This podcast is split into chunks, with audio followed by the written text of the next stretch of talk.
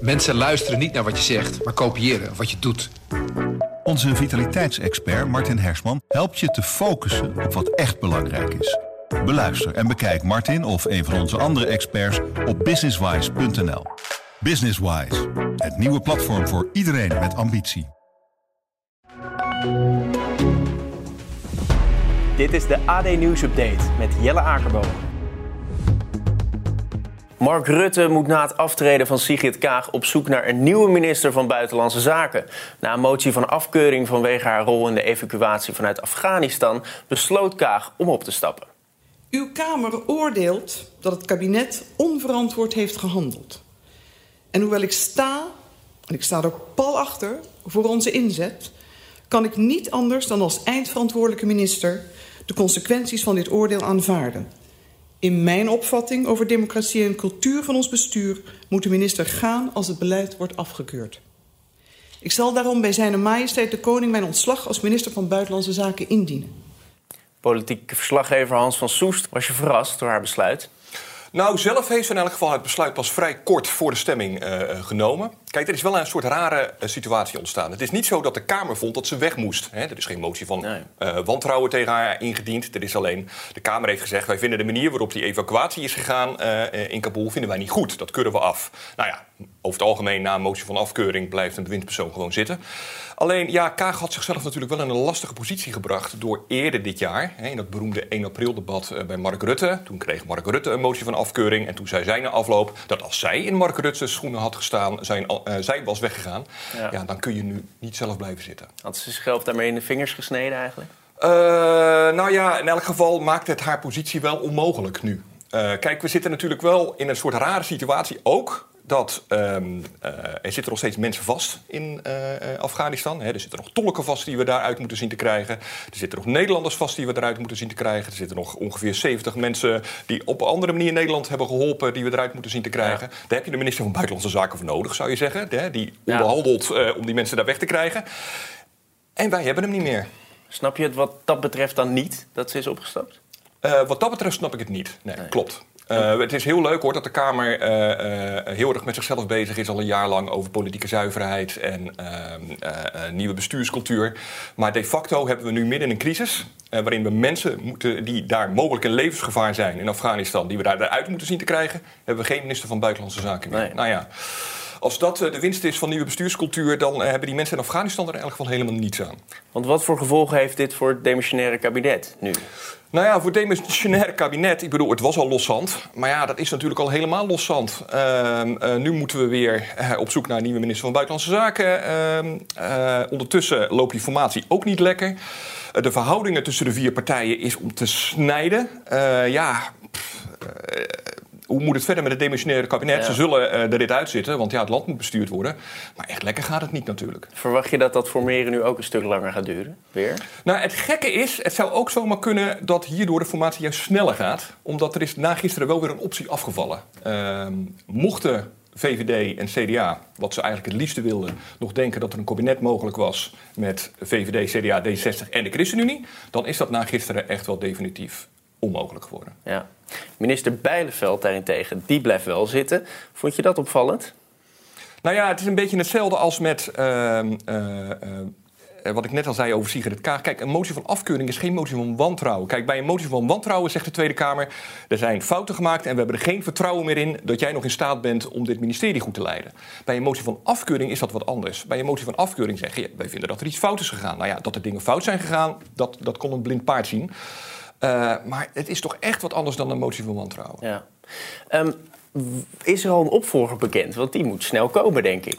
Nou ja, uh, Mark Rutte zal op zoek moeten in zijn adresboekje uh, naar iemand die het nog wil doen voor nou, komende weken, maanden, zeg het maar. Ja, nou, we gaan het afwachten. Het is een spannende situatie daar in, in Den Haag. Het lukt veel ouderen niet de QR-code in de Corona Check-app te activeren. Daarnaast heeft een flink aantal senioren niet eens een mobiele telefoon. En dat terwijl het scannen van die QR-code vanaf 25 september verplicht is voor zo'n beetje alle sociale activiteiten buiten de deur. Anneke Sipkens, directeur Ouderenbond AMBO. Verwacht jij dat veel ouderen hierdoor in de problemen gaan komen? Ja, wij verwachten dat een hele grote groep uh, ouderen hierdoor inderdaad in de problemen komen. We weten dat uh, meer dan een miljoen ouderen niet beschikken over een smartphone of computer, dus niet digitaal vaardig zijn. Ja, en die hebben dan een probleem. Ja, dat wordt een lastig pakket. Had de overheid dit dan anders moeten aanpakken, vind je? Nou, de overheid heeft een telefoonnummer ter beschikking gesteld. Die kan je bellen. Uh, het ministerie van Volksgezondheid. Um, en dan kan je een papieren QR-code aanvragen. Die krijg je dan uh, per post uh, thuis gestuurd. Alleen daar is heel weinig capaciteit. Dus wij horen heel veel klachten van ouderen dat ze heel lang moeten wachten. En dat ze in eerste instantie ook niet goed geholpen worden. en ja, wij roepen echt op naar het ministerie om de capaciteit te gaan vergroten. Ja, want worden ouderen dan nu nog steeds niet geholpen? Die hulplijn is overbelast. Ja, welke conclusie kun je daar dan aan verbinden? Nou ja, als de hulplijn overbelast blijft, dan kunnen dadelijk hè, over nou ja, nog minder dan tien dagen ja, de mensen niet op pad. Dus dan kunnen ze niet naar de lunchroom, uh, een lekker kopje thee drinken of naar het restaurant uh, of naar het theater. Je kan je opa en oma niet meenemen of je ouders. Ja. Dus dat is echt wel een probleem. Wat adviseren jullie uh, de achterban? Nou ja, we adviseren in ieder geval te blijven bellen en ook uh, te realiseren dat er een lange wachttijd is. Maar ja, we vragen ook aan de andere kant, als het nou allemaal zo problematisch is, uh, of toch het gele paspoort, het gele boekje, of dat niet uh, gebruikt kan gaan worden met een identiteitsbewijs. Maak je je zorgen, Anneke? Nou, ik uh, zou het echt heel, vervelend, heel vervelend vinden als dit een probleem is voor ouderen. Ja. ja. Anneke Sipkens, directeur AMBO, dankjewel voor je uitleg. Het derde seizoen van de hitserie Sex Education start vandaag op Netflix. De serie draait om tieners op een middelbare school in Engeland die worstelen met hun seksuele ontwikkeling. I forgot to tell you, I saw Maeve the other day. I don't need to know what Maeve is doing anymore. Here are the students currently attending what has been dubbed the sex school. Oh. Good morning, morning.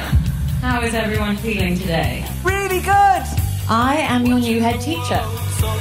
Seems that there are some students here who get a kick out of giving us a bad name. It changes today. Seksuologe Leila Lambrecht. Ja, wat maakt deze serie nou zo populair, denk je?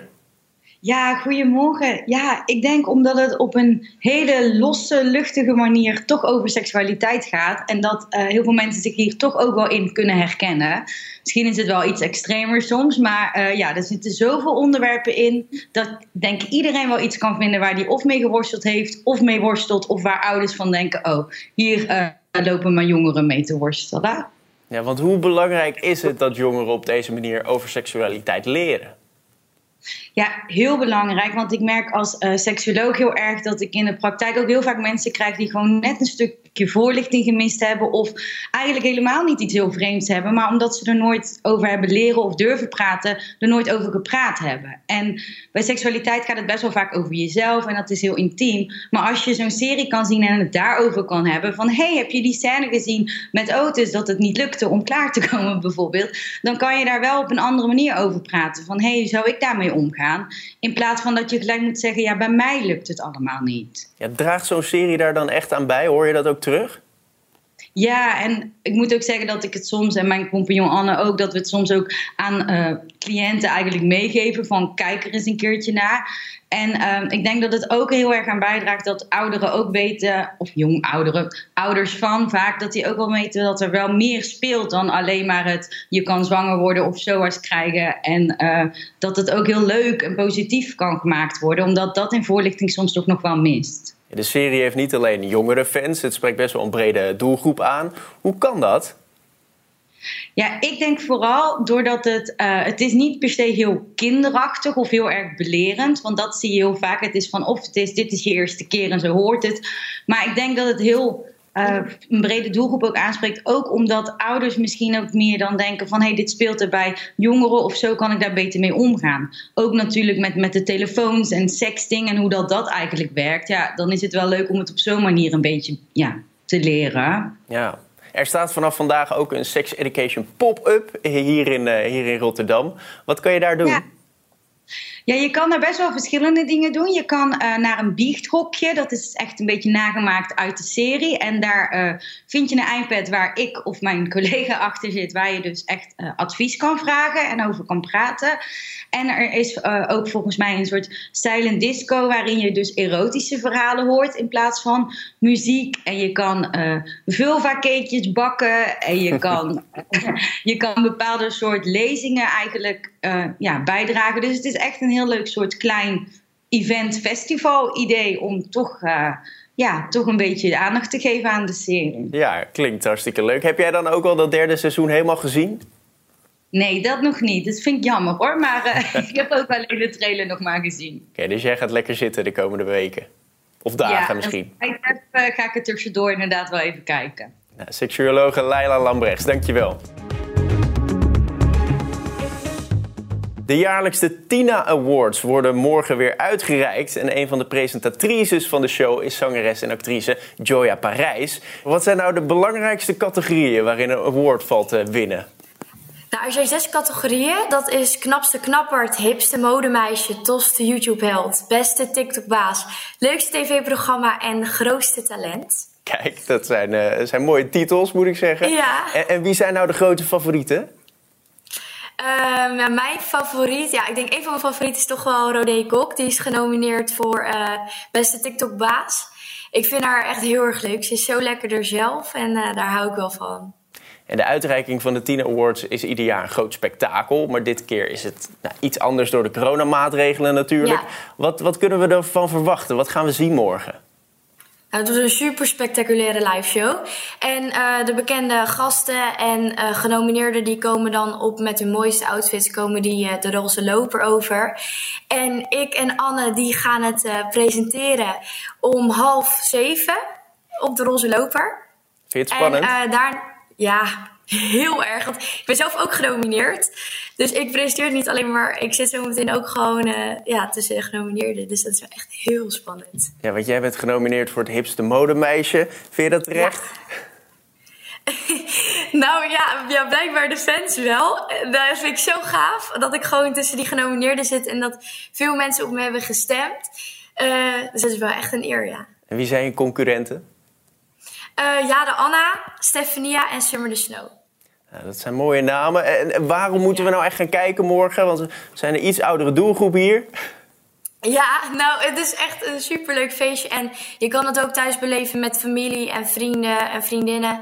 En het is natuurlijk niet alleen leuk om te kijken wie er winnen. Maar het is ook gewoon een superleuke show waar je echt blij van wordt. Joya Parijs, dankjewel. Heel veel plezier morgen. En de uitreiking van de Tina Awards is morgenavond vanaf half zeven live te volgen op onze site en in de app. En tot zover deze live nieuwsupdate.